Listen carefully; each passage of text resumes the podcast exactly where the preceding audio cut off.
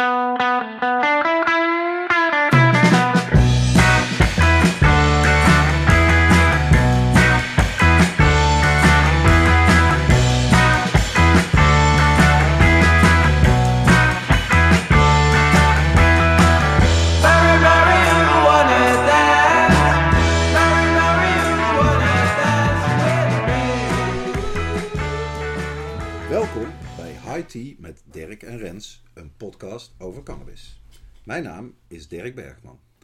En mijn naam is Rens Hoppenbrouws. In deze podcast praten we over cannabis en alles wat daarmee te maken heeft. In elke aflevering van Tea hebben we vier vaste rubrieken. De rubriek Wat zit er in je joint vandaag? Eh, onze nieuwsrubriek, nog iets nieuws. De oude doos, met in elke aflevering een duik in de rijke geschiedenis van de cannabisplant. En tenslotte vragen van luisteraars. En eh, de leukste vraag belonen we elke uitzending met een exemplaar van het fotoboek Humboldt Green Gold USA van Steve Fleur over de cannabisteelt in Californië. Dit is High Tea met Dirk en Rens, aflevering 1. Eh, met aandacht vandaag voor het WODC-schandaal, de Gouden Gieter fotowedstrijd en Kroptober. En wat zit er in de oude doos vandaag, Dirk? In de oude doos gaan we het eh, hebben vandaag over het Oranje Boekje voor Gebruikers uit 1970. Ook wel bekend als officieel shitboekje. Hilarisch. Ik ben benieuwd, daar praten we zo over. Maar eerst, wie zijn wij? Dat lijkt me een hele goede, hele leuke begin om, eh, om, om even daarmee te doen. Ehm Dirk, stel je eens even voor. Eh, ja, ik ben eh, 48 jaar oud. Ik vier dit jaar eigenlijk mijn 25-jarig jubileum als cannabisjournalist. Mijn achtergrond is dus journalistiek. Ik heb eh, gestudeerd in Utrecht. En eigenlijk al tijdens mijn studie ben ik begonnen met eh, freelance voor de High Life. Die toen eigenlijk net eh, was begonnen. Mooie periode moet ik zeggen. Eh, sindsdien eh, schrijf ik dus over de nationale en de internationale cannabiscultuur. En daarnaast ben ik eh, een van de oprichters van het VOC. De Stichting Verbond voor Opheffing van het Cannabisverbod. En heb ik ook eh, bijvoorbeeld negen jaar lang Cannabis Bevrijdingsdag gecoördineerd. En op dit moment eh, ben ik nog steeds heel actief voor het VOC en daarnaast met eh, diverse andere cannabisprojecten. en ik blijf schrijven en fotograferen over onze geliefde plant. En wie ben jij eigenlijk, Rens Hoppenbrouwers? Ja, voor de, voor de, voor de lieve mensen. Ik ben Rens Hoppenbrouws. Ik ben eh 30 jaar. Ik kom uit Veldhoven, geboren in Veldhoven. Ik woon nu woonachtig in eh, Tilburg. Eh, ik, ik ben eigenlijk afgestudeerd als grafisch vormgever. Eh, ik, nadat ik klaar was, moet ik zeggen, ben ik daar niet meer mee verder gegaan. Al heb ik natuurlijk wel de skills die ik daarvan overgehouden heb. Natuurlijk gebruik ik die nog steeds in de hedendaagse projecten en dergelijke. Dus ik ben er zeer dankbaar nog steeds voor. Maar ik ben ook eh, nu eh, eh, enkele jaren werkzaam bij een koffieshop in Tilburg, genaamd de Tourmalijn. Wel bekend, mag ik wel zeggen. Voor- Ik ken hem tenminste al heel lang. Voor, voor, voor, ja, voor cannabisliefhebbers uit het zuiden, ik denk dat uh, Tourmalijn zeer bekend is. En daarnaast ben ik al enkele jaren werkzaam, of in ieder geval werkzaam. Ik, ik help waar ik kan het VOC, de vereniging die, die vecht tegen de opheffing. Is, Nee, voor de die opheffing, voor, eh, zo, excuses, hier ga ik altijd de fout mee. Maar eh, ja, dat mag. Je bent niet de enige. Nee. Voor de opheffing van het cannabisverbod. En de- ik, ik ben eigenlijk vier jaar geleden, eh, of nou vijf jaar geleden zeg maar, ben ik hier een beetje erbij gekomen. En ben ik ook, heb ik ook eh, geholpen bij het Cannabis Bevrijdingsfestival. Ik ben de laatste twee, twee drie jaar ben ik nog marktmeester geweest. Eh, ja, super leuk om te doen. Echt, eh, elk jaar was het een enorm succes. En we zijn ook eh, op ons hoogtepunt eigenlijk volgens mij wel mee gestopt. En daarnaast organiseer ik ook samen met Mauro, een goede compagnon van mij, organiseer ik de Homegrown Cup. Een, cannabis cup voor en door eh eh, cannabiskwekers. Het is heel erg klein begonnen. Eh, met 12 eh, deelnemers. En eh, onze, ons concept is echt... degene die, die meedoen, die zijn ook de ju- juryleden. Of de, Mhm. De ook- deelnemers, zeg maar. Ja, Ja. dus kijk, Inzenden is jureren. toch? Precies. Ja, wij, wij zijn van mening gewoon dat de kwekers gewoon de beste, ook, ook in ieder geval genoeg kennis hebben over het product. En dat hun juist de mensen moeten zijn die daar hun mening over moeten geven. ja. En, en, en, en, en, als, en iedereen komt met een klein beetje van zichzelf eigen gekweekt wiet aan. Wij, wij eh, delen het op in kleine porties. En iedereen krijgt een doosje met allerlei verschillende samples. Met een juryblaadje erbij, met een scoreformuliertje. En aan het einde van eh, zo'n avond hebben we een uitslag. En ja, het is heel klein begonnen, maar het wordt steeds groter. En het is, ja, super leuk om te doen. En we maken heel veel mensen blij. En mensen nemen het enorm serieus. Echt, eh, als je ook op zo'n dag ziet. Het is, mensen zitten echt met hun neus op de wiet. En ze zitten te kijken, te ruiken. Te, ja, dat is gewoon fantastisch, weet je wel. Het zijn gewoon echt liefhebbers. Ja, in, in- in- gewoon helemaal in, in een element in ieder geval. Ja, ik zou zeggen, check ook eh, www.homegrowncup.nl. Of hè, onze Instagram. Instagram, daar, hebben we, daar zijn we meestal eh, mee actief. En eh, daar proberen we ook elke, elke, voor elke editie alle soortjes proberen mooi te fotograferen. En elke dag eh, kwam, komt er dan zo'n foto online. Dus eh, ik zeg, eh, we gaan beginnen met de, de e- echte, echte eerste rubriek van onze podcast. Wat zit er in jouw joint vandaag, Dirk? Ja, wat zit er in mijn joint vandaag? Eigenlijk heel bijzonder. Ik heb eigenlijk ook gedacht, ik bewaar hem eventjes voor deze eerste podcastaflevering. Eh, mijn eerste plant is namelijk droog. Niet helemaal perfect droog, maar eh, ik denk dat hij een dag of tien gedroogd is inmiddels. Die rook ik eh, as we speak. Dat is een citral. En citral, eh, ja, het zal voor de oudere luisteraars misschien een bekende naam zijn. Het is natuurlijk een regio in Pakistan. Echte indica planten. En het grappige is, die plant die heb ik gekregen vanuit Friesland. Ik wil even, even inbreken. Ik, dacht, ik moet dan echt meteen denken aan citro- citroen of citrusvruchten. ja, of, heeft er in dit geval niks mee te maken. Oh, oké. is dat echt- nou dat is- een opheldering in. Dat is die regio in eh, Pakistan. Ik ben ook notabene wel citral hash tegengekomen, lang geleden.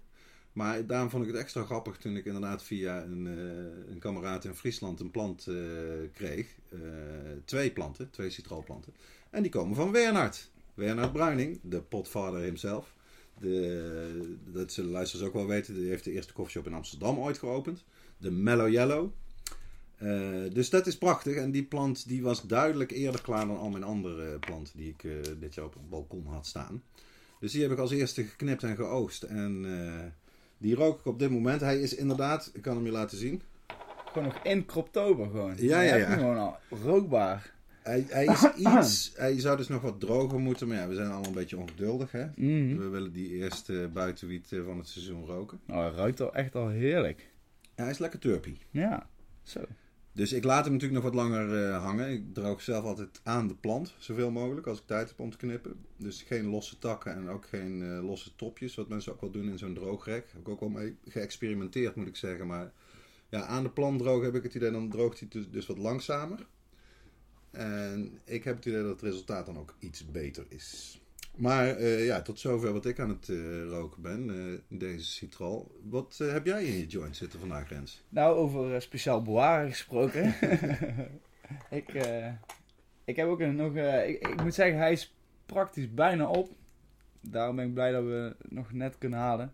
Ik heb er, ik heb er een topje OJ Recon in zitten. Oké. En Die dat- zie ik jou wel vaker. eh. Daar ben ik zeer, zeer fan van. Het, is, eh, het wordt gekweekt door, een, eh, door, door iemand die ik goed ken. En tevens ook een deelnemer van de Homo. Oké dan. En het is in ieder geval een, een, een, een, een, komt genetica van Devil Harvest Seed. Het Aha. bestaat uit kushi. En dat is eigenlijk echt een, een beetje de cheese kush so- soortje. En En dan Kushi met CH, toch? Niet met SH. Ja, Ja, hele- niet van Kush. Ku- Ah, En de Water Recon. En dat is van Rare Dankness. En dat is ook een, ja, dat is, dat is wel echt een heerlijke OG. Maar toch weer een, nog een ander smaakje, aromaatje eraan. En eh, ja, dit is gewoon, ja, dat is gewoon perfect. Ik vind het echt heerlijk. Dit, eh, dit is wel mijn lievelingsrokertje van de afgelopen tijd. Dus Mooi. die wilde ik even speciaal benoemen tijdens deze rubriek. Ik zeg, we gaan door naar het volgende, vo- volgende rubriek. Achter en in het nieuws. Dirk, ga los. Ja, achterin in het nieuws, dat is dus eigenlijk eh, de oude naam nog. Hè? We hebben, Oh, dat shit. kunnen we natuurlijk ook wel eventjes vermelden. We hebben één proefaflevering opgenomen, een soort eh try-out, aflevering 0. Die is nog online te vinden. Ik weet niet of die erop blijft staan eigenlijk. Eh, daar heet de nieuwsrubriek nog achter en in het nieuws. En je hoort het eigenlijk al, het is toch een beetje een tongbreker. Dus we hebben deze rubriek eh, hebben een nieuwe naam gegeven vandaag. En dat is eh, nog iets nieuws. Nog iets nieuws, excuses. Dat is namelijk ook, eh, ja, dat hoor je natuurlijk in de koffieshop. eh dat hoor je bij kwekers onderling, eh, nog iets nieuws. Bij de koffiezetapparaat. Bij het koffiezetapparaat, s s'morgens op kantoor, eh, nog iets nieuws. Dus zo heet onze nieuwsrubriek nog iets nieuws. En in die nieuwsrubriek gaan we het vandaag hebben over een nieuwe, eigenlijk weer een nieuwe zwarte bladzijde in de WODC-affaire. We gaan het hebben over een nieuwe wedstrijd die het VOC organiseert in samenwerking met Plantarium, de Gouden Gieter. En we gaan het nog eventjes eh, hebben over Croptober met een paar eh, oogsttips voor mensen die hun planten op dit moment nog buiten hebben staan. Heel goed, heel goed. Over, over WODC. Voor de, voor de leek of voor de mensen die er niet helemaal mee bezig zijn. Waar, waar, waar, waar is het eigenlijk mee begonnen? Of waar komt, Ja, het WODC dat is dus het Wetenschappelijk Onderzoeks- en Documentatiecentrum. Dat is eh, eigenlijk onderdeel van het ministerie van Justitie. Maar, en dat is heel belangrijk, het, is een heel, het moet in ieder geval een onafhankelijk instituut zijn. Het is zeg maar, het onderzoeks- en kennisinstituut wat justitie gebruikt om eh, onderzoek te laten doen naar allerlei dingen die samenhangen met, eh, met strafrecht en met, waar justitie mee bezig is. En het is natuurlijk ontzettend belangrijk dat daar geen politieke sturing in zit. Dat die mensen objectief en onafhankelijk onderzoek kunnen doen. Zodat de politiek kan beslissen op basis van echte harde feiten en niet op gespinde frames. Wat ze moeten doen met het cannabisbeleid. Nou, eh, wat Bas Haan, een journalist van Nieuwsuur, onderzoeksjournalist. Echt een, eh, een van de beste journalisten van Nederland vind ik het eh, de laatste jaren. Die is op het spoor gekomen van een, wat de WODC-affaire is gaan heten. En dat komt erop neer dat eigenlijk vanuit het ministerie, vanuit het hoogste niveau van het ministerie van Justitie, is er maandenlang, en eigenlijk over een veel langere periode misschien nog wel, zware druk uitgeoefend op dat WODC. Om de onderzoeksresultaten die zij hadden, om die te veranderen. En dat zijn geen punten en comma's, dat gaat echt over heel erg belangrijke dingen. En dan hebben we het met name over onderzoeken naar cannabis en coffeeshops. Dus het gaat over dingen als de wietpas, overlast coffeeshops, de befaamde exportmythe. Hè? 80% van de, de wiet zou zogenaamd geëxporteerd worden eh, buiten Nederland. Terwijl mensen die er echt in zitten weten natuurlijk dat overal in Europa en overal ter wereld wordt gekweekt. En die weten zelfs dat in, in Nederland zo hard gejaagd wordt naar op wiet, dat veel coffeeshops uit Spanje importeren of zelfs uit Albanië hun wiet gaan halen, omdat het veel moeilijker is. Dus het is bijna omgekeerd hè, aan het exportverhaal. Maar goed, eh, de dame die dit allemaal eigenlijk aan het rollen heeft gebracht, de klokkenluister in deze affaire, zij heet Marianne van Ooyen-Hoebe. Ehm, Bijzonder naam, mooie naam. ja, zij heeft, eh, ik geloof, 25 jaar bij dat WODC gewerkt. En zij kon eigenlijk haar ogen en oren niet geloven wat er allemaal gebeurde met, met die druk vanuit justitie om gewoon die onderzoeksgegevens allemaal aan te passen. Om, om te manipuleren en gewoon leugens te verspreiden in feite. Dus zij is eh, daarvoor aan de bel gaan trekken. En toen is die WODC-affaire losgebarsten. Eh Grapperhaus, de huidige minister van Justitie, die was toen net aangetreden eigenlijk, toen die onthullingen naar buiten kwamen. En die heeft niet alleen heel duidelijk meteen gezegd dat dit absoluut niet kan, dat het niet had mogen gebeuren, dat hij er werk van gaat maken dat het niet gebeurt.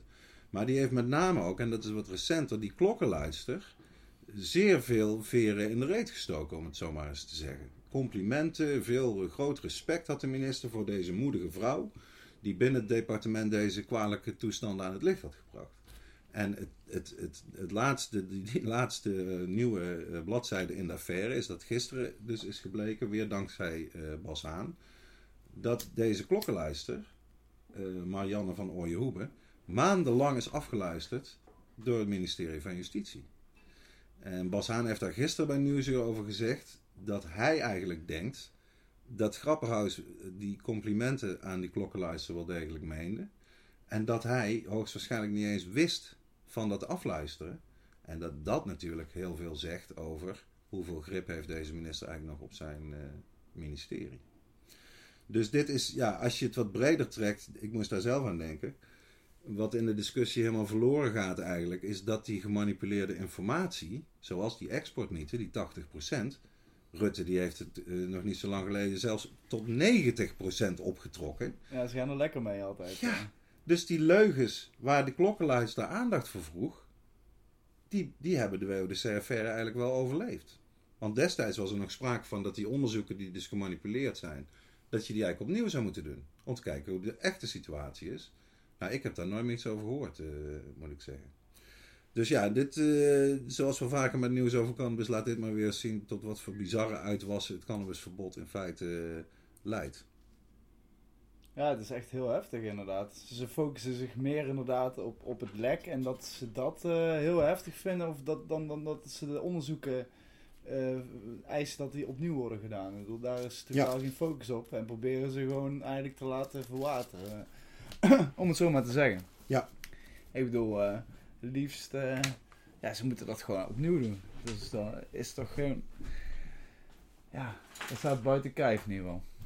Maar Ik kwam eh, een- daar een erg leuk tweetje trouwens over tegen, over dit nieuws van Duwertje Kuipers. Eh, die zit als eh traumabeertje op Twitter, sowieso leuk om te volgen. En zij tweet over, die, over, over dit, dit nieuws over de klokkenluister. Minister Grapperhaus, dubbele punt. Dit is het individu tegen organisatie. En ik vind dat dat altijd bescherming verdient. Also, minister Grapperhaus. We roken je uit je hol, procederen je kapot, maken je intern verdacht en tappen je de moeder. Dat vond ik op zich nog wel een kernachtige samenvatting van, eh, Dat wel, ja, ja, zeker. van dit nieuws. Helemaal waar, helemaal waar. Ehm, ja, we laten, laten we beginnen over de Gouden Gieter. N- Het nieuwe wedstrijd-elementje van de VOC slash eh, veiligthuiskweker.nl. Ja, dus deze week eh, online gegaan op de verjaardag van Doede de Jong. Dat wat denk ik toch nog steeds de bekendste wietkweker van Nederland is, uit Appelscha. Eh, dat vonden we wel aardig om het, eh, om het op dat moment online te gooien. Ja, het is een fotowedstrijd en het is bedoeld voor je eigen planten en je eigen foto's. Dus de- dat zeg ik ook maar meteen even erbij, want het blijkt nogal eens mis te gaan bij de eerste inzenders. Eh, de bedoeling is dat je een mooie foto stuurt en wat we een controlefoto noemen. Zodat wij kunnen zien dat je die foto niet gewoon van het internet hebt geplukt, zeg maar. En dat, op die controlefoto moet dan dezelfde plant staan als jouw inzendingfoto. en iets daarbij van Veilig Thuiskweken of van VOC of van Plantarium. Eh, en als je zeg maar op een stuk papier eh, VOC of Veilig Thuiskweken zet, dan is dat ook genoeg. Het is alleen maar dat wij kunnen zien, oké, dit is echt eh, degene die de foto inzendt, die heeft hem ook gemaakt. Dan hebben we twee prijzen. We zijn, dat wordt een prachtige trofee, denk ik. De Gouden Gieter eh, 2019. Eh, voor de mooiste foto en voor de mooiste plant. Want dat zijn natuurlijk eigenlijk twee heel verschillende dingen. Als jij een waanzinnig mooie foto maakt van eh, een klein stekje, hè, wat, eh, wat, wat eigenlijk pas 5 centimeter hoog is, dan kan het een heel mooie foto opleveren. Maar je kan niet zoveel zeggen over die plant hè, op dat moment, want het is nog maar een stekje. Terwijl als jij een waanzinnige plant hebt die echt vol zit met dikke toppen en die, die er echt heel krachtig en vitaal uitziet. En je maakt die foto eh, met je telefoon, bij wijze van spreken, dan is die foto fototechnisch misschien niet zo sterk, maar de jury kan wel zien van wauw, deze persoon die kan duidelijk erg goed kweken en dit is een geweldig mooie plant. Dus eh, twee prijzen, mooiste plant en mooiste foto. Inzenden kan tot 1 december. Eh, je kan eh, gewoon naar www.degoudengieter.nl gaan, dan staan ook alle spelregels en noem maar op. We hebben ook een Instagram-account, @degoudengieter, En daar gaan we elke inzending die binnenkomt publiceren. Dus er staat er geloof ik al eentje op. Ja, want we zijn net begonnen. En eh, ja, de jury die bestaat uit mijzelf, uit eh, de kweekspecialist van Plantarium, die echt vooral natuurlijk veel zicht heeft op, die, op de planten. En Mauro, zijn naam is al een keer gevallen, hij is ook secretaris van het VOC.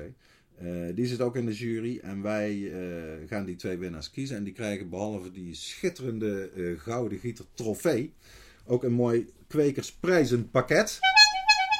Hell yeah. Met bijvoorbeeld zo'n Seavolt container eh, erin. Altijd lekker. Wat is een Seavolt container? Da- ja, inderdaad. Zeg, leg, het, leg het eens uit. Ik heb die zelf eigenlijk voor het eerst in Canada gezien. Eh, eh, kijk, de praktijk, zoals jij ook wel zal weten vanuit jouw werk eh, in de koffieshop. De meeste koffieshops eh, bewaren wiet gewoon in plastic bakken. Oh, niet uit onze eigen Nee? ervaringen. Wij, wij niet. Wij, eh, Jullie niet? Nee, nee, nee. nee, Nou, maar als je in een gemiddelde koffieshop binnenloopt, Ik- kijk waar het is- bewaren ze het in, dan zijn het meestal zeer vieze, Om te al huilen. jarenlang gebruikte. Daar kunnen we echt even wel over doorpraten. Want ik, inderdaad, ik was vorig, een paar maanden geleden was ik in het noorden van het land. Aha, Ik zou, ik kan niet, ik weet, volgens mij was het Zaanstad. aha. En een beetje, ik was gewoon geïnteresseerd van wat voor wiet ze nou hebben. En een beetje kijken, een beetje ruiken. En hij legt, hij pakt gewoon die wiet uit een plastic bak. met zijn blote mannenklauwen. pakt hij gewoon wel rats, pakt hij gewoon zijn topje. En hij legt het gewoon voor mijn neus neer op die Op de balie. bar. Ja, gewoon echt gewoon. En hij Ja. zegt, ja, kijk maar, voel maar, rook maar. ruik. En dan echt van, jezus man. Een klein beetje respect voor je product, weet je wel. De, en ja, dat was gewoon helemaal hun gewoonte. Voor hun was het dan heel normaal dat iedereen de wiet mag aanraken. En, maar ik als klant, of ja, ik weet niet of dat mijn eigen, eh, hoe noem je dat? Smetvrees. Nou, nee, maar gewoon, weet je, je wilt toch gewoon een wiet waar niet iedereen Ja, heeft nee. geknepen. Of, eh, en ook gewoon, kom op, in een plastic bak. Ik bedoel, eh, cannabis is gewoon net als een spons. Neemt allemaal die stoffen Mhm. in zich. En ik, ik, denk ook heel vaak dat wiet uit de, uit de koffieshop, waar je denkt van, oh, die ruikt toch niet zo heel top. Mhm. Komt vaak ook gewoon inderdaad dat ze in zo'n verkeerde bak of Ja. container zijn bewaard. Nou ja, ik moet zelf meteen denken aan eh, Captain Hooter. Ook te volgen op Twitter. Ja. Een heel interessante kerel, oorspronkelijk uit Californië. Hij heeft een boek geschreven over eh 160 coffeeshops in, eh, in Amsterdam. Hij heeft ze allemaal bezocht. We hadden even een kleine onderbreking, omdat er even iets voor de deur, een kleine onderhoud werd gepleegd door de gemeente. Met een hoop herrie. En met een hoop herrie, en dat kunnen we niet gebruiken. Maar Dirk, je was, verder, je was, je was aan het praten over, eh, of aan het vertellen over Captain Hooter. Ja. Over, eh, daar waren we, waren we. Ja, Captain Hooter, die, eh, dat, is- dat blijft een prachtig verhaal. Die, had, die woont al een tijdje in Nederland. En, en veel van zijn vrienden die blowen natuurlijk ook. Hij is een enorme blower, al 40 jaar. Is hij Amerikaan? Een Amerikaan, maar hij, Ja. heeft, een, hij heeft in Canada ook gewoond. En hij heeft, geloof ik, een Jamaicaans-Canadese vrouw. Die ook erg van cannabis houdt. Dus hij heeft, eh, had eigenlijk al een unieke ervaring met cannabis en ook met hoge kwaliteit. En dispensaries in Californië kent hij allemaal. Dus hij kreeg vaak de vraag van vrienden van... Oh, je woont in Nederland, je woont in Amsterdam. What's the best coffee shop in Amsterdam? En eh, ik vind het altijd echt stoner logica wat zijn antwoord eh, was. Namelijk, ja, dat kan ik niet zeggen, want ik heb ze niet allemaal bezocht. want het is natuurlijk, hè, als je dat met zekerheid wil zeggen wat de beste is, ja, dan moet je ze allemaal hebben bezocht. Dus zo kwam hij op het idee om dat ook echt te gaan doen. Daar heeft hij een boek over geschreven en eh, ik sprak hem terwijl hij eigenlijk midden in die research zat voor het eerst. En hij zei, eh, Derek, I am shocked. Dus ik zo, eh, hij zei, man, hoe ze met die wiet omgaan. Wat jij eigenlijk ook al zei, ze pakken het gewoon met een blote stinkhanden, weet je wel. Ze bewaren het in smerig plastic wat helemaal vol bruine shit zit, weet je wel. Waarom pakken ze niet gewoon, bewaren ze het niet in glas? Dan kunnen ze alles wat eraf valt ook nog hash van maken, dan kunnen ze er meer geld verdienen ook. En eh, hij was dus heel erg gewend dat mensen op zijn minst handschoentjes aan hebben of zo'n tangetje gebruiken, weet je wel, om die buts te doen. Maar vooral, in godsnaam, bewaar het in glas en niet in plastic. Eh, Oké, terugkomen naar hè, de, can, of de, de Seavolt, waar we het eigenlijk over hadden. Dat is eigenlijk weer next level, want glas is inderdaad prima om je wiet in te bewaren. Maar een, een nadeel daarvan is dat er dan wel, als je het gewoon niet in een kast bewaart, dan valt er wel licht op. En dat is niet zo goed voor wiet. Je wil wiet eigenlijk altijd donker bewaren. Dus deze Seavolt, het zijn metalen, het lijkt eigenlijk meest op een soort pan. Met een mooie sluitdeksel. En in die deksel kan je dan zo'n, eh, bijvoorbeeld zo'n Boveda pack, of er zijn ook wel andere merken van die, om de droogte te reguleren. Hè? Integra. Ja? Integra heeft hij ook. Dus dat schuif je in de deksel. En dan zit je wiet daarin. eh, niet in plastic, niet in glas, maar in metaal. En eh dus altijd donker. Dus dat is zeg maar het hipste, hipste dingetje. Die, is Ideaal gewoon- voor thuissteders. ja, dat is volgens mij ook maar één importeur op dit moment in Nederland. Maar eh, met dank aan Plantarium ook kunnen we die dus eh, eentje weggeven aan beide winnaars van eh, de Gouden Gieter. Maar in de prijspakket zitten ook zaadjes. zit het fotoboek ook van Steve Fleur, hè, Humboldt Green Gold USA. De, dat wint de winnaar van de Gouden Gieter ook. Ja, daar wil ik daar, nog, daar nog een klein beetje over hebben. Nog, Ja. Over dat boek. Mooi boek. En waar ik ook wel echt even nog over terug wil komen. Je benoemde net de, eh, Doede. Ja. De, de, de, de bekendste wietteler uit Nederland. Alleen ik sprak eergisteren met een, eh, met een collega van me. Aha. En ik had het over Doede. En die had geen flauw idee. En toen ging ik nadenken van hoe heb ik Doede leren kennen. En, eh, ja. en, en toen moest ik natuurlijk denken aan de film van een, al, een ti- al een paar jaar geleden. Ik weet niet precies uit welk jaar die komt. Maar ja, de- dat is echt lang geleden. 2007 of zo, 8? Nee, ik denk, nou, dat is na te zoeken. Ja, Nederwiet de eh, Movie, hè? Nederwiet, Ja. Hij heet Nederwiet de Movie. En hij is ook Echt een gratis. hè? Ja, ja het is, kijk, hij is gratis te, te, bekijken op eh, volgens mij de website van NPO 3. Want Ja. hij is ook Ja. uitgezonden op NPO 3 ooit. Als je gewoon intikt, doe de, de Jong Nederwiet De movie? documentaire. Want de movie, ik weet eigenlijk niet eens zeker of dat wel, of dat officieel weer de titel is. Maar zo, Ja, ze doe zelf noemt hem ook zo. Volgens mij hebben ze een movie net iets anders beschreven. Ja, precies, ja. Maar het is echt een hele leuke eh, documentaire film over eh, twee journalisten. En die gaan eh, die bekijken het is allemaal vanuit een aantal standpunten. Vanuit de, de coffeeshophouder, de kweker, maar ook justitie en de politie. En dat is ook heel leuk, want ze gaan dus ook zelf beginnen ze ook te kweken. Ja. En ze worden, ja, dat is, is- het zijn mensen inderdaad, eh, journalisten die totaal eigenlijk niks met cannabis roken. Het volgens mij zelf ook helemaal niet. Maar je, je ziet ze ook langzamerhand ook echt wel die liefde krijgen voor dat plantje. Ja. En hoeveel moeite ze er ook voor doen. En, en daarna, ze krijgen dus die stekjes waar ze dus, waar ze dus willen gaan kweken, krijgen ze dus van Doede. En, Ja, en, ja. en de charme van Doede komt daar ook al meteen omhoog. Want op een gegeven moment dan vragen ze dus van, ja, wat eh, krijg je van ons? En dan zit hij dus te berekenen hoeveel stekjes. En dan eh, komt hij op het bedrag of zo van 60 euro uit. En dan zegt hij, doe maar 50, weet je wel. Nou, welke commerciële, weet je wel, eh, alles ja, doe maar eh, 75 euro, weet je wel. Maar doe dit, daar is, doe dit is niet een type die er geld mee, die wil gewoon, die vindt het zo mooi om te kweken en die leeft ervoor. En uiteindelijk, doordat ik bij het VOC ben gekomen, ben ik ook eh, natuurlijk wel vaker eh, met Doede in aanraking gekomen. Omdat hij eh, ook, voor, of, nou, hij is vergader, voor, of vergaderleider, voorzitter. Vergadervoorzitter. Ja, elke vergadering. Sinds Joep er niet meer is om het te doen, heeft Doede die taken overgenomen en dat doet hij erg goed. Want het is, nou, je kan het je misschien voorstellen, de, de vergadering van het VOC, Blowers. blowers onder elkaar. soms zitten er zes man, maar soms zitten er ook twintig man of 25 man bij druk bezochte vergaderingen. En iemand die dat allemaal in goede banen moet leiden zonder dat eh, mensen zich gepasseerd voelen omdat ze niet aan het woord komen bijvoorbeeld. Dat is echt wel een lastige klus.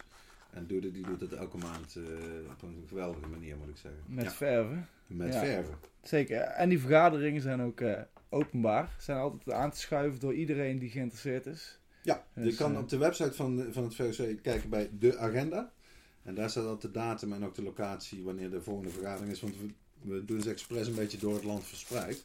Zodat het voor mensen eh, ja, ook die verder afwonen van Eindhoven of van Amsterdam ook makkelijk is om een keer naar een vergadering te komen. Dus we zitten in het noorden, we zitten in het oosten, in het zuiden. We proberen op zoveel mogelijk plekken eh, eh, te vergaderen met het VOC. Dus die website die is, ik noem het nog maar eventjes, www.voc-nederland.org. Pots. Dankjewel. Heel goed. Ehm, laten we nog eh, heel even over hebben, over, of eh, laten we nog even over de Kroptober Het hebben. is nog steeds Het oktober. is Kroptober, dus we gaan het... De eh, oogstmaand. de, ja, inderdaad, de welbekende oogstmaan. En ondertussen draai ik nog even een lekker klein smakelijk jointje. Maar ik, ik, zit- we zitten namelijk op, op het VOC-kantoor, de V- VOC headquarters, in de, de graanschuur van... eh, Of, eh, hè? Hm. De wietgraanschuur van Europa, Eh, als we sommige telegraafjournalisten moeten geloven. En ik zie daar een hele mooie plant staan. Hij is, ja, ik vraag me eigenlijk af, wat is het? Hoe lang duurt, hoe lang, wanneer, wanneer denk je hem te gaan knippen? En, en waarom heb je hem binnengezet ook? Dat is misschien ook wel... Ja, dit, is een, dit is een Gorilla Glue. Die heb ik nog nooit gekweekt. Dus ik ben erg benieuwd. Tot nu toe gaat hij eigenlijk prima. Maar hij is duidelijk langzamer dan bijvoorbeeld die citral die al boven eh, hangt te drogen. Eh, ja, kijk, het punt is nu, het is ontzettend regenachtig weer. Ik denk als je zeker als je het vergelijkt met vorig jaar, is dit gewoon best een moeilijke zomer geweest voor buitenkwekers. Met heel eh, ja, extreem wisselende weersomstandigheden ook. Vorig jaar was het echt buiten gewoon goed voor buitenkwekers. Met heel veel zondagen, heel veel warm.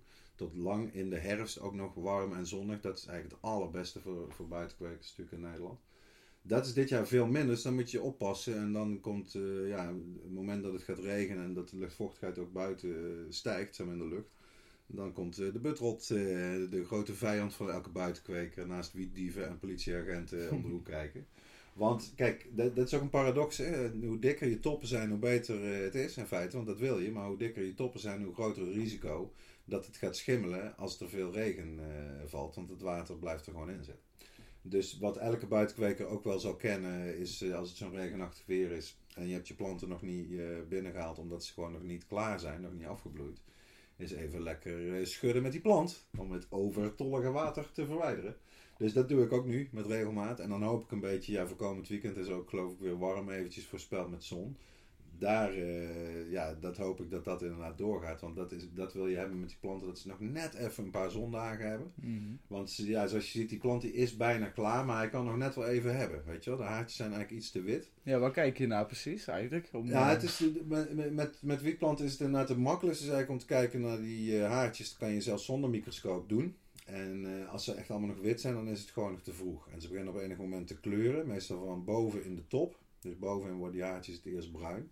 En langzaam verspreidt het zich dan over de top. En als ongeveer twee derde of zo eh, bruin is, dan, eh, dan kan je hem wel oogsten. En als je een microscoopje hebt, eh, dat is nog beter. Want dan kan je eigenlijk ja, letterlijk natuurlijk inzoomen op die top. En dan kan je zien welke kleur en welke vorm jouw trichomen, of harsklieren, welke die hebben. Want daar gaat het allemaal om natuurlijk bij die planten. Alle werkzame stoffen zitten in de trichomen.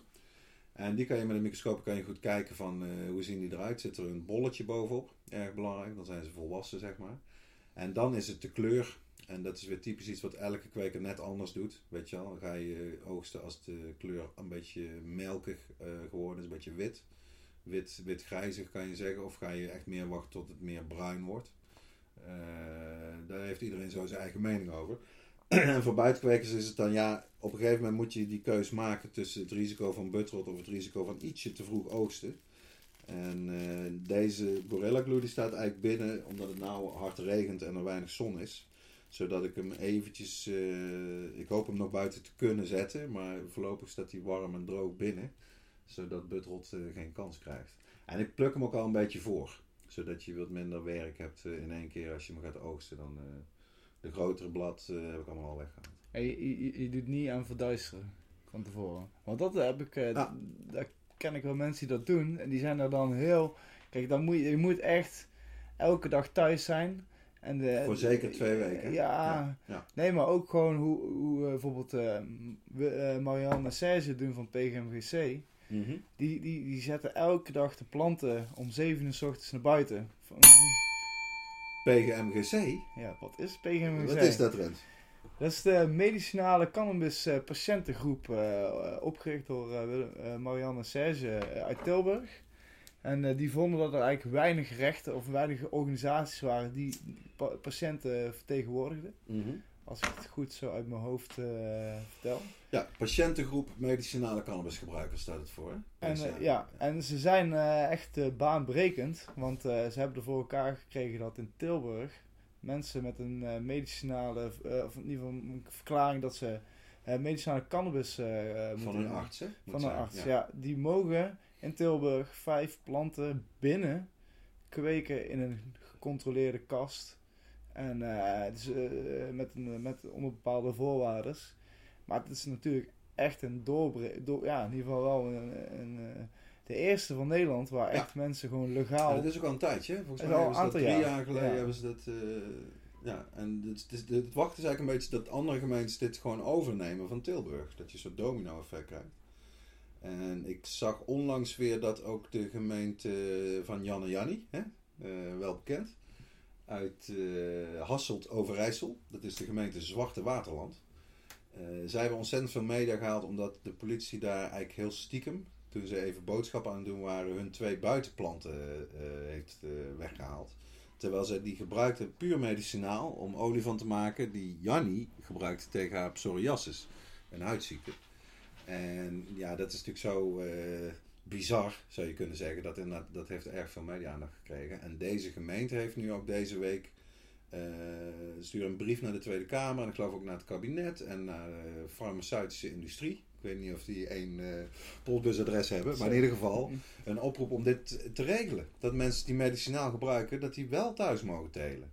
En het mooie van Tilburg en van het werk wat inderdaad Serge en Marianne hebben gedaan met de PGMGC, is dat zij eigenlijk, eh, zij zijn het voorbeeld. Je kan zien dat het daar werkt.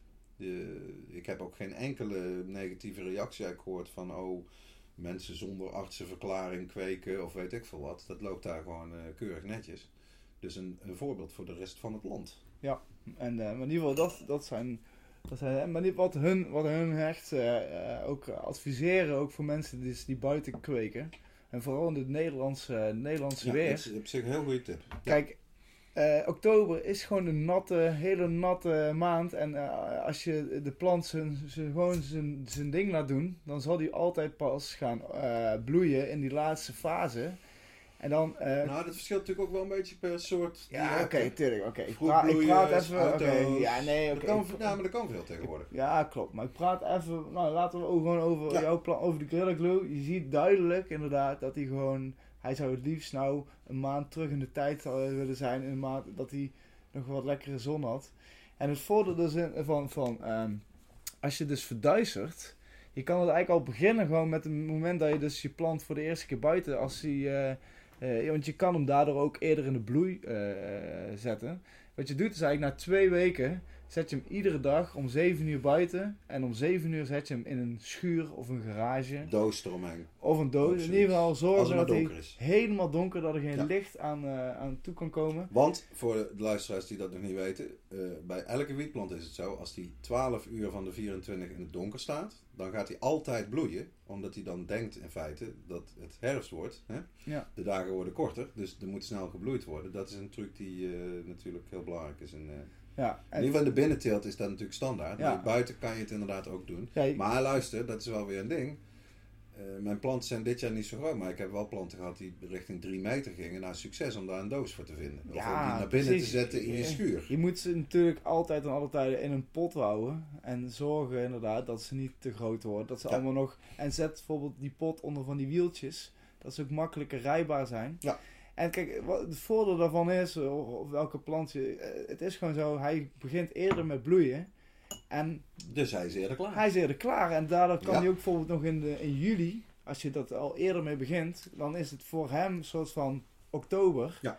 Maar dan heb je wel gewoon de Nederlandse zomer die hem kan Maar kijk, als eh 25 jaar ervaring kleine buitenteler ben ik wel ook erg van, eh, kijk je hebt slow food. In die zin geloof ik ook een beetje een slow plant. Want ik begin al eh, meestal februari, maart begin ik met ontkiemen. Dus stel me op, als mijn plant, eh, als ik die zo in oktober, eind september oogst, dan heeft die plant een hele lange levenscyclus gehad. Dat is geen eh, plofwiet, zeg maar, zoals het binnen ook is. Van hup, meteen vanaf stek knallen, bloeien, noem maar op. Nee, een plant die zeg maar, volledig natuurlijk tot ontwikkeling komt. Ik denk, ik weet niet of daar een wetenschappelijke basis voor is. Maar zelf denk ik dat, dat, je dat eigenlijk merkt in het effect. Ja, nou, dat vind ik een hele interessante. Daar, daar moeten we ooit zeker een keer Ja. onderzoek over eh, doen. Gewoon twee planten. Eén die je dan wel... Stress. Nou, gewoon eentje die laat je gewoon zijn ding doen. De andere die zet je elke dag binnen. Ja. En dan ga je daarna kijken, Kijk. wat, is nou, wat vind je nou lekkerder of beter? Of wat, waar Ja, komt die plant best? Al dat te soort experimenten zou super interessant zijn. Want ik heb ook nog eens het sterke vermoeden dat eh, in buitenwiet per definitie meer CBD zit dan in binnenwiet. Maar, Dat denk ik ook, Ik heb eerlijk geen hier. Nee, ja, maar door die zon. Ik denk dat het ook... ja, of door de maan of eh, doordat je ze niet stresst. Maar ja, kijk, we moeten natuurlijk niet vergeten, elke plant eh, wordt eigenlijk gestrest door Sinsemilla. Wat is Sensimilia? Of, Ja, daar ga je al. Is het Sensimilia of Sinsemilia? Nee, sens betekent in ieder geval zonder. Komt uit Latijn. En semilia eh, is zaad. In het Spaans geloof ik. Dus zonder zaad betekent Sensimilia. En dat is eigenlijk, eh, volgens mij komt het ook uit Mexico. Vroeger, en in Marokko zie je dat eigenlijk nog steeds wel gebeuren, stonden alle planten gewoon door elkaar. Mannetje, vrouwtje, maakt allemaal niet uit. Dus die bestoven elkaar allemaal. Dus vroeger zat in de meeste, eh, of in alle eigenlijk die je kon kopen of krijgen, zat gewoon zaadjes in. Die waren gewoon bestoven.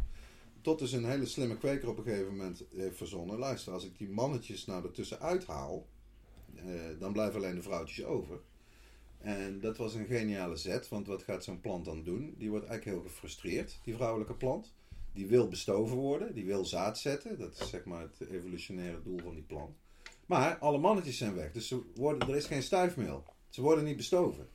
En daardoor zie je dat die, de toppen, de bloemen van de vrouwelijke plant, steeds dikker en aantrekkelijker worden. Uit frustratie omdat ze niet bestoven worden. En dat is Sensimilia. En dat is een enorme doorbraak geweest, al eigenlijk, ik denk in de vroege jaren 70. Dat natuurlijk in Amerika mensen die zelf gingen kweken buiten en binnen, met name Californië, die gingen allemaal voor Sensimilia. Die, daar zat dus gewoon nooit meer zaad in. En dat scheelt enorm ook in de potentie van de, de wiet. Want in plaats van dat die, wiet, eh, dat die eh, plant zijn energie of haar energie gaat stoppen in het ontwikkelen van zaad, eh, gaat ontwi- gaat hij die energie stoppen in het ontwikkelen van nog grotere toppen. Big buds. Met nog lekkerdere geur. En nog- Precies. ja, je- Sensimilia, baby! de plant verleidt ons allemaal. Nou, tot zover eh Kroptober. eh, een, een laatste advies, eh, dat is eigenlijk altijd mijn eerste en belangrijkste advies aan iedereen die daar iets over wil weten. Kijk goed en vaak naar je planten. Raak ze elke dag een keertje aan. Ja, aanraken hoeft nog niet eens, maar hou ze gewoon goed in de gaten. Ja. Want er kan van alles misgaan. Het is niet alleen butrot. eh, je kan meeldauw krijgen. Je kan, eh, ik heb zelf ook al die dingen allemaal gehad. En dat is toch een, kwestie van er eh, snel bij zijn. En dan kan je er nog iets aan doen, zeg maar. Dus altijd goed naar je planten kijken. Goed bezig. Ehm, laten we gaan naar de derde rubriek. De oude doos. De, De oude oude doos. De oude doos. De oude doos. Verhaal uit de oude doos. Ja, de, cannabiscultuur is natuurlijk zeer rijk aan schitterende verhalen en anekdotes en boeken en, en ook eh, allerlei personen. Daar gaan we het in deze rubriek, eh, in elke aflevering, eh, halen we dat een keer naar voren. En voor deze eerste aflevering ben ik eigenlijk gewoon eventjes in mijn cannabisbibliotheek gedoken. Ik verzamel al heel erg lang boeken over cannabis en die met cannabis te maken hebben uit de hele wereld. Eh, en hier voor mij ligt een klein oranje boekje. Het is een beetje verschoten. En dat heet het Oranje Boekje voor Gebruikers. En daaronder staat een klein sterretje en daartussen haakjes officieel shit boekje. dat is uitgegeven in 1970 door Bert Bakker. En dat, dan hebben we het echt over de prehistorie van de Nederlandse cannabiscultuur. In 1970, toen was er nog geen Mellow Yellow van eh Bernard Bruining in Amsterdam, nog geen Bulldog. Toen was er feitelijk alleen Sarrazani in Utrecht. Wat eigenlijk de echte eerste koffieshop is van Nederland. Maar verder was het gewoon, zoals het in grote delen van de wereld nog steeds is. Als je wiet wil roken of hash, dan moet je bij eh The Man zijn, waar die ook te vinden is. Dus ik vind dat dit soort boekjes vind ik zelf erg mooi, omdat het zo'n mooi tijdsbeeld geeft van hoe toen de cannabiscultuur in Nederland eh, eruit zag. En de schrijvers, ja, ik weet niet of ze, of ze stoned waren. Ik denk dat ze wel een goed gevoel voor humor hebben gehad. Want als je dat boekje openslaat, dan eh, begint het met een waarschuwing. Kijk uit, met vier uitroeptekens. Dit boekje is beslist niet geschikt om uit te hollen en er dan shit in te verbergen. en dat woord shit, dat, eh, dat kom je steeds tegen. Want shit was zeg maar anno 1970 het hipste woord voor hash. Want veel wiet werd er toen nog niet gerookt natuurlijk. Hè? Het was vooral hash. Ehm, dan komt er een opdracht. Dit boekje is opgedragen aan dokter Kruisinga, staatssecretaris van Volksgezondheid. Eigenlijk hebben we het speciaal voor hem geschreven. Ook daarin zie je dat eh, de tijden weinig veranderen. Dit is dus bijna 50 jaar oud. En toen was ook zeg maar, het grootste probleem... waren die mensen in Den Haag die eh, de wetten maakten.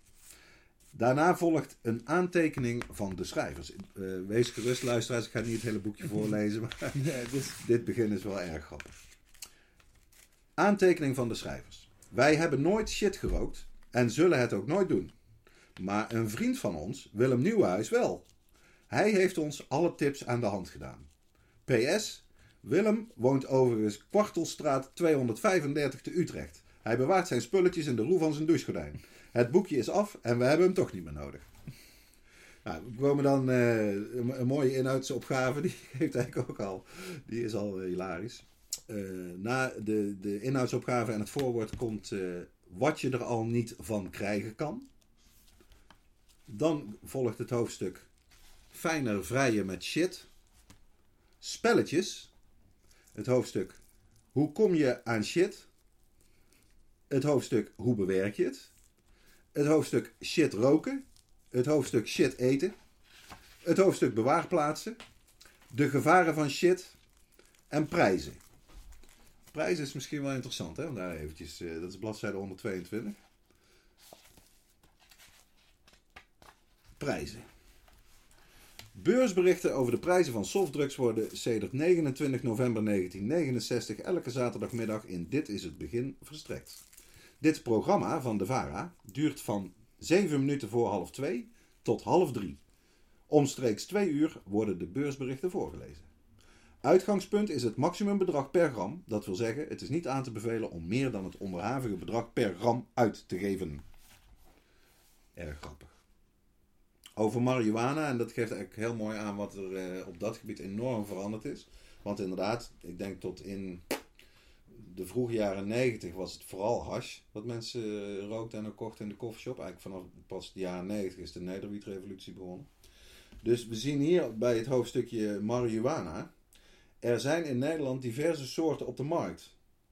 Acapulco Gold, Mexicaanse, Congo en Amsterdamse. En dit vind ik zelf als woordfreak wel erg interessant en als cannabisjournalist. En tot slot onze nationale trots, de nederwiet. Wat is het bewijs dat die term, in ieder geval in 1970, hè, bijna 50 jaar geleden, eh, werd hij al gebruikt in de shit scene. en eh, nog even over die prijzen. De buitenlandse soorten kosten per lucifer doosje, tussen haakjes, circa 4 gram, tussen de 8 en 12 gulden per doosje. De nederwiet kost tussen de 4 en 6 gulden per doosje. De Amsterdamse tenslotte noteert prijzen tussen de 3 en de 5 gulden. Dat waren nog eens prijzen. Ja, maar die wiet was natuurlijk. eh, spinazie was volgens mij de meest gebruikte benaming eh, voor die nederwiet omstreeks 1970. En waarom begonnen we... Kijk, ik, ik heb ook heel vaak discussies van eh, mensen met inderdaad... Waarom wij allemaal wiet met Ja. tabak roken. Maar daar komt het eigenlijk allemaal mee. Van, eh, Ja, daar, klopt. ik bedoel, we zijn allemaal eigenlijk begonnen met hars. Eigenlijk in Mhm. Nederland. In ieder geval, de Nederlandse cannabiscultuur is eigenlijk wel een beetje... Hoe, hoe zijn we daarmee betrokken geraakt? Eh, Ja, het is mooi. Er zijn eigenlijk twee soorten sporen zijn er aan te geven voor die, die hele vroege eh, aankomst van hash en wiet in Nederland. De eerste, dat is eh, het leger. Altijd weer interessant. Want als je nog verder teruggaat in de geschiedenis, kunnen we, dat komt nog een keer aan bod in de oude doos. Dan blijkt ook dat hash in Europa verzeild is geraakt door het leger van Napoleon. Toen die Egypte hadden bezet. Maar inderdaad, we houden het even bij Nederland. Dan zie je dat er eh, vlak na de oorlog veel Amerikaanse soldaten in Amsterdam kwamen. Want die waren allemaal gelegerd in Duitsland, hè, om daar eh, de boel in de gaten te houden. En die hadden dan GI leave. Eh, dan mochten ze in het weekend mochten ze doen wat ze wilden. Lekker de beest uithangen. Gingen ze naar Amsterdam. En zij, eh, een flink deel van die soldaten, die rookte al wiet. Dus die, die namen het mee, maar er kwam ook vraag daarna. En het tweede spoor wat er al was, nog los van die soldaten, eh, dat waren natuurlijk de zeelieden. Amsterdam was zeg maar, na de oorlog nog best wel een belangrijke haven. Dus eh, Congo, zoals net ook in het boekje stond. Kijk, schepen die uit Afrika kwamen, en zeker die uit Congo, die hadden gewoon, die, die, die, die zeemannen, die hadden gewoon wiet bij zich, Congo-wiet. Dus dat was ook, als je teruggaat bijvoorbeeld naar Antwerpen en naar de vroege scene in eh, Nederland, dus jaren 40, jaren 50 en vroege jaren 60, dan is dat heel veel Congo-wiet. En die kwam via de haven van Amsterdam en ook via de haven van Antwerpen. En als je, eh, ik heb dat zelf eh, mogen doen, dat je zeg maar blowers van 80 plus interviewt, met mensen die echt heel oud zijn en nog weten hoe dat toen ging. Ja, je kon of zelf naar de haven gaan en kijken of je een donkere, donkere zeeman trof die net was aangekomen. En er was in Amsterdam met name één café, eh, één of twee cafés, maar met name de Cotton Club op de Nieuwmarkt, die er nog steeds zit. Je kan daar naartoe. Daar kwamen veel eh scheepsmensen en veel Surinamers en veel mensen uit Afrika vanuit de haven. En daar kon je wiet krijgen. Maar dat was niet eh, eenvoudig. En als je daar binnenkwam, zeg maar als student, en die mensen heb ik ook gesproken, dan, dan, dan kon dat gewoon echt wel drie, vier dagen duren. Voordat je eindelijk niet helemaal weggekeken werd en ook durfde te vragen van, hé, hey, eh, is er hier iets te roken? Eh, dus zo is dat begonnen. En vanaf de, ik denk zo vanaf 1960, dan zie je dat de, de hippie trail in feite opkomt. En dat zijn dus gewoon eh, jonge mensen die vanuit West-Europa kunstenaars. ja, nou ja, allerlei types die, die richting India trokken met name. Over land. Dus vaak ook in bussen. Dus dan kwam je door Turkije, dan kwam je door Libanon, dan kwam je door Afghanistan. Dan kwam je dus gewoon door alle traditionele harslanden kwam je heen. En het kostte niks. En het was daar ook, ja, officieel was het verboden, maar de handel was gewoon zeer openlijk. Met name plekken als Libanon en Turkije was toen gewoon makkelijk hash te kopen. Eh, en die eh, namen dat gewoon terug in een rugzakje een pondje, een kilootje, weet je, goede Afghaan. In, in Nederland had de douane nauwelijks een idee hoe dat eruit zag, überhaupt, wat dat dan was. Dus je hoeft het ook niet al te goed te verstoppen. En dan was eigenlijk inderdaad het ding, eh, nou als je een kilo had meegenomen, die, de helft ervan die rookte je zelf op. En de helft die verkocht je aan je vrienden. En toen de coffeeshops een beetje begonnen, hè, half ondergronds, aan de shop. En dat was dus meestal ontzettend goede hash. Want eh, die was daar zelf uitgezocht, zeg maar, door die mensen. Dus dat waren zo'n beetje de mooie romantische jaren van, eh, van, van de hash. En dat eh, heeft op zich nog best lang geduurd. Dat mensen gewoon zelf die kleine partijtjes gingen halen. En in Nederland is de eerste keer dat, dat de politie echt een groot soort smokkelschip eh, heeft onderschept. Dat was de Lammy. Heeft andere tijden dat tv-programma nog een keer een prachtige aflevering over gemaakt. Die, de hashkotter Lammy werd die genoemd. En dat is volgens mij zo met de jaren 70 of zo. Dat er voor het eerst ja, echt een flinke hoeveelheid hash werd gehaald. Want toen kwam de koffieshop ook echt eh, op, zeg maar. Ik kan nog één eh, fragmentje voorlezen uit het, eh, het oranje boekje voor gebruikers. Even kijken hoor. Oh ja, hoe bewerk je het? Dat zou nou niet eens meer in zo'n boekje staan. het begint met het schoonmaken. De reden waarom je gras schoon moet maken, wordt eigenlijk pas duidelijk wanneer je eens probeert een joint te maken met niet schoongemaakt gras. De harde steeltjes prikken door het sigarettenpapier heen. En het hele ding is niet meer te roken. De zaadjes maken als ze verhit worden kleine ontploffingjes. Kleintjes maar, dus met oudjaar moet je maar eens een paar zaadjes in je stik rollen. Dat is heel toepasselijk. Het doel is kortweg dat de gedroogde bladeren, waar het tenslotte om gaat, gescheiden worden van steeltjes en zaadjes die minder belangrijk zijn. Later kan je dan de zaadjes weer planten. Nou, als je dat vergelijkt met wat je tegenwoordig bij de koffieshop eh, meekrijgt, dan hoef je daar niets meer van schoon te maken en al helemaal geen zaadjes meer uit te pulken. Dus eh, Nee, inderdaad. eh, Het is wel echt een eh, andere wereld. Andere tijden. En is, is het boekje nog steeds te koop? nou, dit is echt een antiquarisch dingetje. Dat eh, zelf eh, koop ik veel via een website die heet boekwinkeltjes.nl. Daar zitten zeg maar, een heleboel kleine boekhandeltjes aan bij aangesloten door heel Nederland. Met een goede zoekfunctie. En als je daar inderdaad in tikt, ik heb net nog even gekeken, het is zo voor 15 euro, 20 euro, dan kan je nog wel eens een boekje op de kop tikken. Maar ja, het wordt natuurlijk steeds minder. En ik vind het zelf echt een van de meer grappige boekjes die ik ook heb uit, die, eh, uit dat tijdperk. En het moet denk ik een van de eerste Nederlandse boekjes überhaupt zijn over, wat puur gaat over onze favoriete plant. En het gebruik van, onze, van de shit. En het gebruik van de shit. Ah, een- Goeie shit, Goeie shit. Ja, mensen gebruiken nog steeds het woord.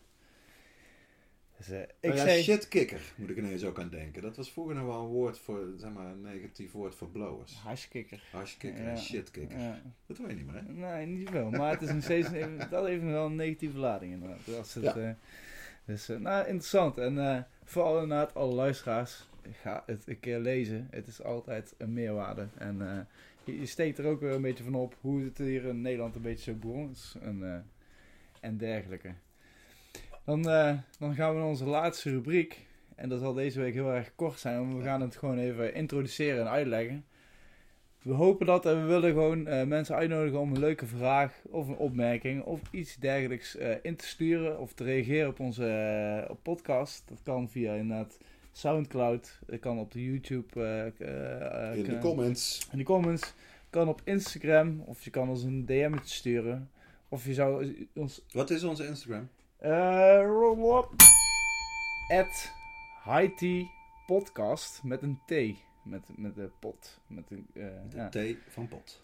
van de T van Tines. Van een pot thee. En eh, daarop eh, proberen we elke keer iedereen te informeren. En of te laten weten wanneer onze aflevering online staat. Dat is, En wat we van plan zijn te gaan doen, is de leukste vraag of reactie die binnenkomt die we kunnen gebruiken voor de Haiti podcast. Die sturen wij dat prachtige fotoboek, wat al eerder is ge- genoemd in de uitzending. Humboldt Green Gold USA van eh Steve Fleur. Jij hebt het eh, erbij gepakt, eh, Rens. Ja, ik wil, ja, het, is echt, zijn echt, enorm, echt prachtige foto's. Steve Fleur is inderdaad heeft, is een tijdje naar Amerika gegaan. Heeft daar een reportage geschoten. In Humboldt, hè, wat eigenlijk een beetje, dat is echt het epicentrum in Californië van de, van de wietteelt. Ja. Ja, wat ze eigenlijk vast heeft willen leggen, dat, dat vond ik journalistiek ook een hele mooie gedachte. Is dat zij wel snapte dat als die legalisering eraan kwam, want het boek is denk ik inmiddels drie jaar oud, dat de, de manier waarop nu in Humboldt eh, cannabis wordt gekweekt natuurlijk totaal gaat veranderen. Als de grote companies binnenkomen, wat we ook natuurlijk hebben zien gebeuren, dan is het maar helemaal de vraag hoeveel van eh, wat ze in Amerika mom- en pop farms noemen, of die wel kunnen overleven. Eh, craft cannabis is ook een term die daar vaak voor wordt gebruikt. En zij heeft die wereld echt fantastisch eh, in beeld gebracht.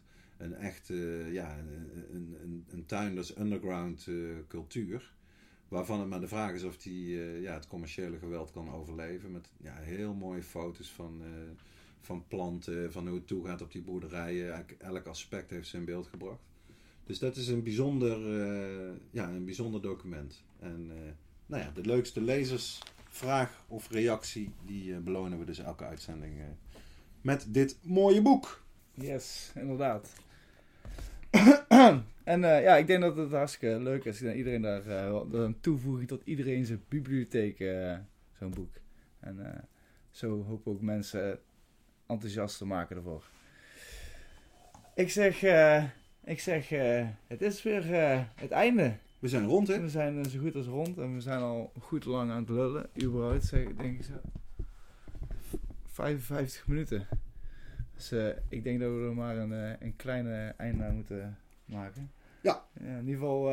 Als je het leuk vond, verspreid dan de boodschap. Hè? Dan Verspreid de Instagram en laat je vrienden meeluisteren. en reageer. Dan win je misschien zo'n prachtig fotoboek. En maken we de uitzending van volgende keer nog beter. Inderdaad. Tot de volgende. Yes, dankjewel voor het luisteren en tot de volgende keer.